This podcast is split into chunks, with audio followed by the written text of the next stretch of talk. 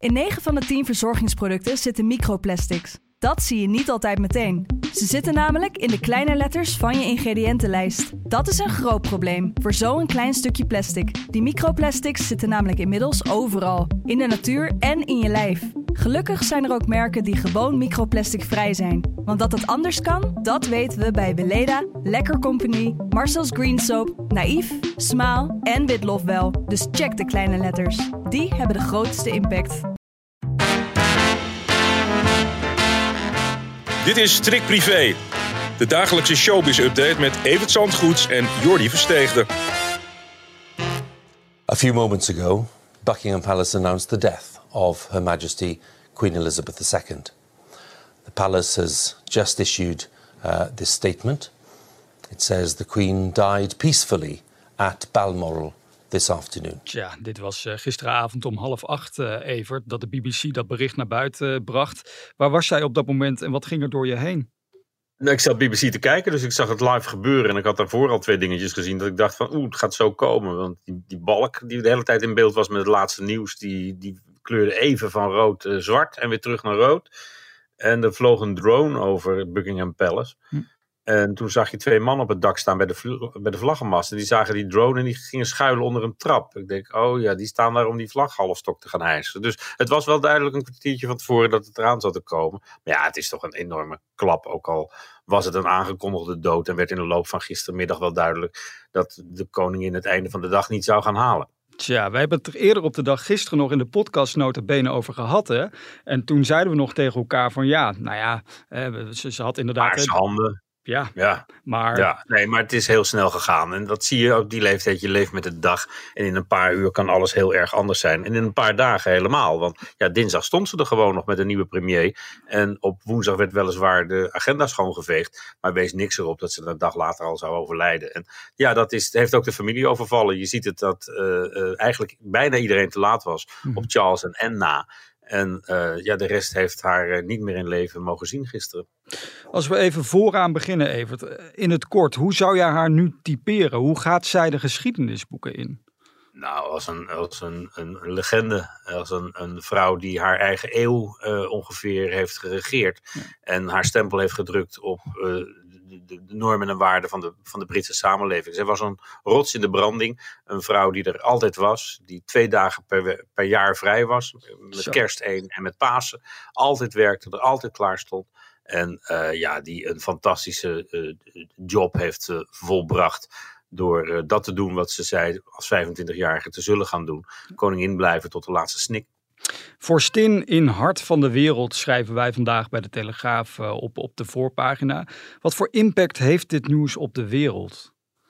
Ja, het is natuurlijk niet, een, uh, niet zoals Diana destijds, wat en een ongeluk was en zo jong. Maar ik denk dat de komende dagen wel een golf van emotie en herinnering. Iedereen heeft haar natuurlijk zijn hele leven meegemaakt ongeveer. En als je dan straks de kist ziet en, en die kist die dan vanuit Schotland naar Londen wordt overgebracht. Die wordt uh, neergezet ergens waar, waar mensen afscheid van kunnen nemen. Ja, die emoties die gaan heel hoog oplopen. Ja. Maar uh, de, de, betekenis van, van Elisabeth in, in de geschiedenis die zal later duidelijk worden. Maar er is geen twijfel over dat zij uh, met alle respect zal worden beschreven.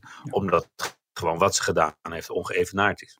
Wat maakte haar nou zo geliefd? Hè? Want ze was grappig sowieso, hebben we vaak gezien. Maar wat was nou het ding waardoor zij zo geliefd was in de wereld? Ah, die plichtsbetrachting wel. Wat je gewoon op hoe, hoe je er ook aan toe was, wat er in de familie ook gebeurde. Als je kasteel in, in brand stond of je kinderen gingen scheiden. En zij ging altijd door en ze rechtte de schouders. En dat was met het klimmen der jaren. Ze werd steeds krommer. En daar kon je toch alleen maar meer respect voor krijgen. Hoe ze er nog altijd was. En altijd die glimlach op de gezicht Ja, in de hele wereld staan ze erbij stil. Hè. Krantenkoppen vandaag. Een leven in dienstbaarheid schrijft de Times bijvoorbeeld. Nou ja, jij bent zelf ook natuurlijk in de pen geklommen. Je hebt een stuk geschreven over dat het haar ook niet altijd gemakkelijk is gemaakt door haar familie. Nou, door de, door de eigen familie niet. Ja. Zelf heeft ze een onberispelijke staat van dienst. Maar ja, de laatste drie jaar zijn er wel drie dingen gebeurd waarvan je denkt van, dat uh, hadden we er anders gegund. -hmm. Ik denk dat die hele affaire rond Andrew er veel meer heeft aangegrepen dan ze ooit zal hebben laten blijken. Dat is uh, gewoon iets geweest van ze eerst dacht het zal wel loslopen. Het werd steeds erger. Ik denk dat hij gelogen heeft zoals hij op tv gelogen heeft. Zal hij dat ook tegen haar gedaan hebben in het begin. Het hebben gebagatelliseerd. Uh, toen de dood van Philip die eroverheen kwam. Corona. Ja, de laatste jaren van, uh, van, van Elizabeth waren niet, wat dat betreft niet de mooiste. Om nog maar niet om nog maar te zwijgen over Harry en Meghan. Die natuurlijk ook een enorme deuk in het imago van de familie hebben geschopt. Ja, daarover gesproken. Harry die leek gisteren echt te laat. Hè? Want ruim anderhalf uur nadat bekend werd inderdaad hè, voor de hele wereld dat ze was overleden. Kwam hij aanrijden. Wat zegt dat nou? Ja, dat, dat, dat, dat ze niet op hem gewacht hebben is wel een teken aan de wand. Dat was geen warm welkom. Bovendien werd in de uren daarvoor al duidelijk dat Meghan niet bij hem was. En had iemand van het paleis gezegd van nee, zij komt een andere dag. Nou, killer dan dat kun je het bijna niet stellen. En uh, het is wel duidelijk dat uh, Meghan daar niet welkom was gisteren. Nee, en hoe gaan dan de komende dagen eruit zien? Hè? Want bij een overlijden, ja, dat, dat brengt mensen ook dichter bij elkaar. Geldt dat ook voor deze familie, denk je? Dat zou je zeggen, maar dat is bij Philip toch ook niet gebeurd. Daar zag je de broers weliswaar even bij elkaar, maar daarna is er ook weer het een en ander voorgevallen. Mm. En ik moet nog zien dat we dat deze keer weer uh, getuigen van zullen zijn. Ik denk dat de verhoudingen echt op scherp staan. En je mag hopen dat de dood van oma daar uh, wat verbetering in brengt. Maar uh, dat, dat de broers mijlenver uit elkaar niet alleen wonen, maar ook staan, dat, is, dat is, wordt ook de komende dagen wel duidelijk. Charles is uh, vanaf nu, of eigenlijk vanaf gisteren al, uh, eigenlijk, hè, vanaf het nieuws bekend werd, is die koning. Dat is ook zoiets raars om dat nu in één keer te, te beseffen. Dat werd eigenlijk duidelijk in zijn statement ja. namens uh, His Majesty the King. En dat is toch even wennen, ja. Want ja. ja. dat hebben we natuurlijk heel lang niet meer gehoord. Wij nog nooit zelfs op onze leeftijd. Maar hij is niet de enige die promotie heeft gemaakt. Want ook de kinderen van Harry en Meghan, die zijn nu prins. als als, als kleinkind van de, van, van de, van de vorst. Ja. En uh, ja, er verandert, er verandert wat in de familieverhoudingen dus, ja. En gaat hij het nou echt helemaal anders doen, Charles, dan, dan uh, Elizabeth, denk je? En wat gaat hij dan anders ja, doen? Ik vraag me heel erg af of hij ook zal zeggen dat hij dit tot zijn einde blijft doen. Ik denk dat dat echt niet meer helemaal van deze tijd is. Van dadelijk neem je het risico dat je honderd wordt en dan zit je daar op je honderdste met dat, uh, met dat enorme gevaart op je hoofd de troonrede voor te lezen. Dus ik denk eigenlijk dat hij dat een beetje in het midden laat. En hij heeft er lang genoeg op gewacht. Dus hij zal heus een paar jaar op die troon zitten. Maar ik kan me ook voorstellen dat hij op een gegeven moment aftreedt ten gunste van William. Die daar toch wel helemaal klaar voor lijkt. Die de populariteit heeft en die ook de kracht heeft om die monarchie wat uh, meer de, de, de, de, nieuwe, deze eeuw in te tillen.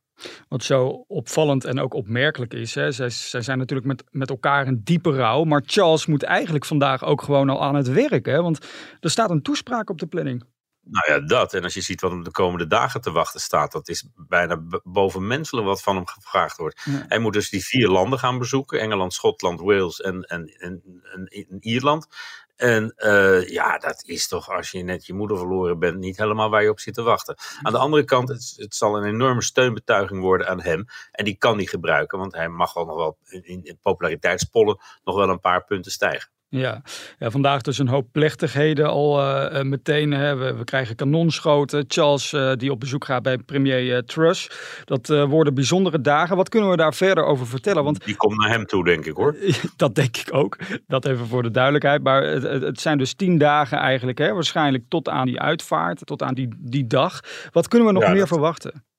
Nou ja, er zijn hele programma's en protocollen voor. Er gaat heel veel gebeuren. En ook, het, het, het, ik denk dat je heel veel tijd moet uittrekken voor het, uh, voor het défilé langs de bar. Daar, mm. Er is altijd gerekend op duizend, honderdduizenden mensen. Maar dat zouden er makkelijk meer dan een miljoen kunnen worden die dat heel graag willen. Dus ik moet inderdaad nog zien dat die begrafenis plaatsvindt op zaterdag. Ik denk eerder dat dat maandag wordt, of misschien zelfs dinsdag. En dan hebben onze Willem-Alexander en Maxima een probleem, ja. want die hebben dan hun eigen uh, jaarlijkse verplichting, Prinsjesdag namelijk. Dus ja. Uh, ja. we moeten even zien hoe zich dat gaat ontwikkelen. En uh, ik denk dat in de loop van de dag, of uiterlijk vanavond, wel duidelijk zal worden wanneer de uitvaart gaat plaatsvinden. En dan zet ik in op die maandag eigenlijk. Wij eindigen natuurlijk altijd de week van onze podcast met uh, de rubriek eventjes aan Evert vragen. Dan mag iedereen alles aan jou vragen wat ze willen weten. Maar goed, een vraag die we zeker nu moeten behandelen, die we binnenkregen van Astrid, gaat over de Queen. Heb jij haar oh. wel eens ontmoet? Gezien, uh, niet de hand geschud. Oh. Wel uh, op meerdere bezoeken meegemaakt. En onder andere op uh, 6 juni 1984, de 40ste herdenking van D-Day op het strand in Normandië. Oh. Daar was zij te midden van Ronald Reagan, nou ja, van alle gekroonde hoofden in Europa. de Canadezen, de Oost alles was daar. En ja, ik, dat was de eerste keer dat ik er in levende lijven zag. En ik moet zeggen, iemand die alleen al, al je hele leven kent, gewoon van plaatjes en van postzegels en van, van weet ik wat allemaal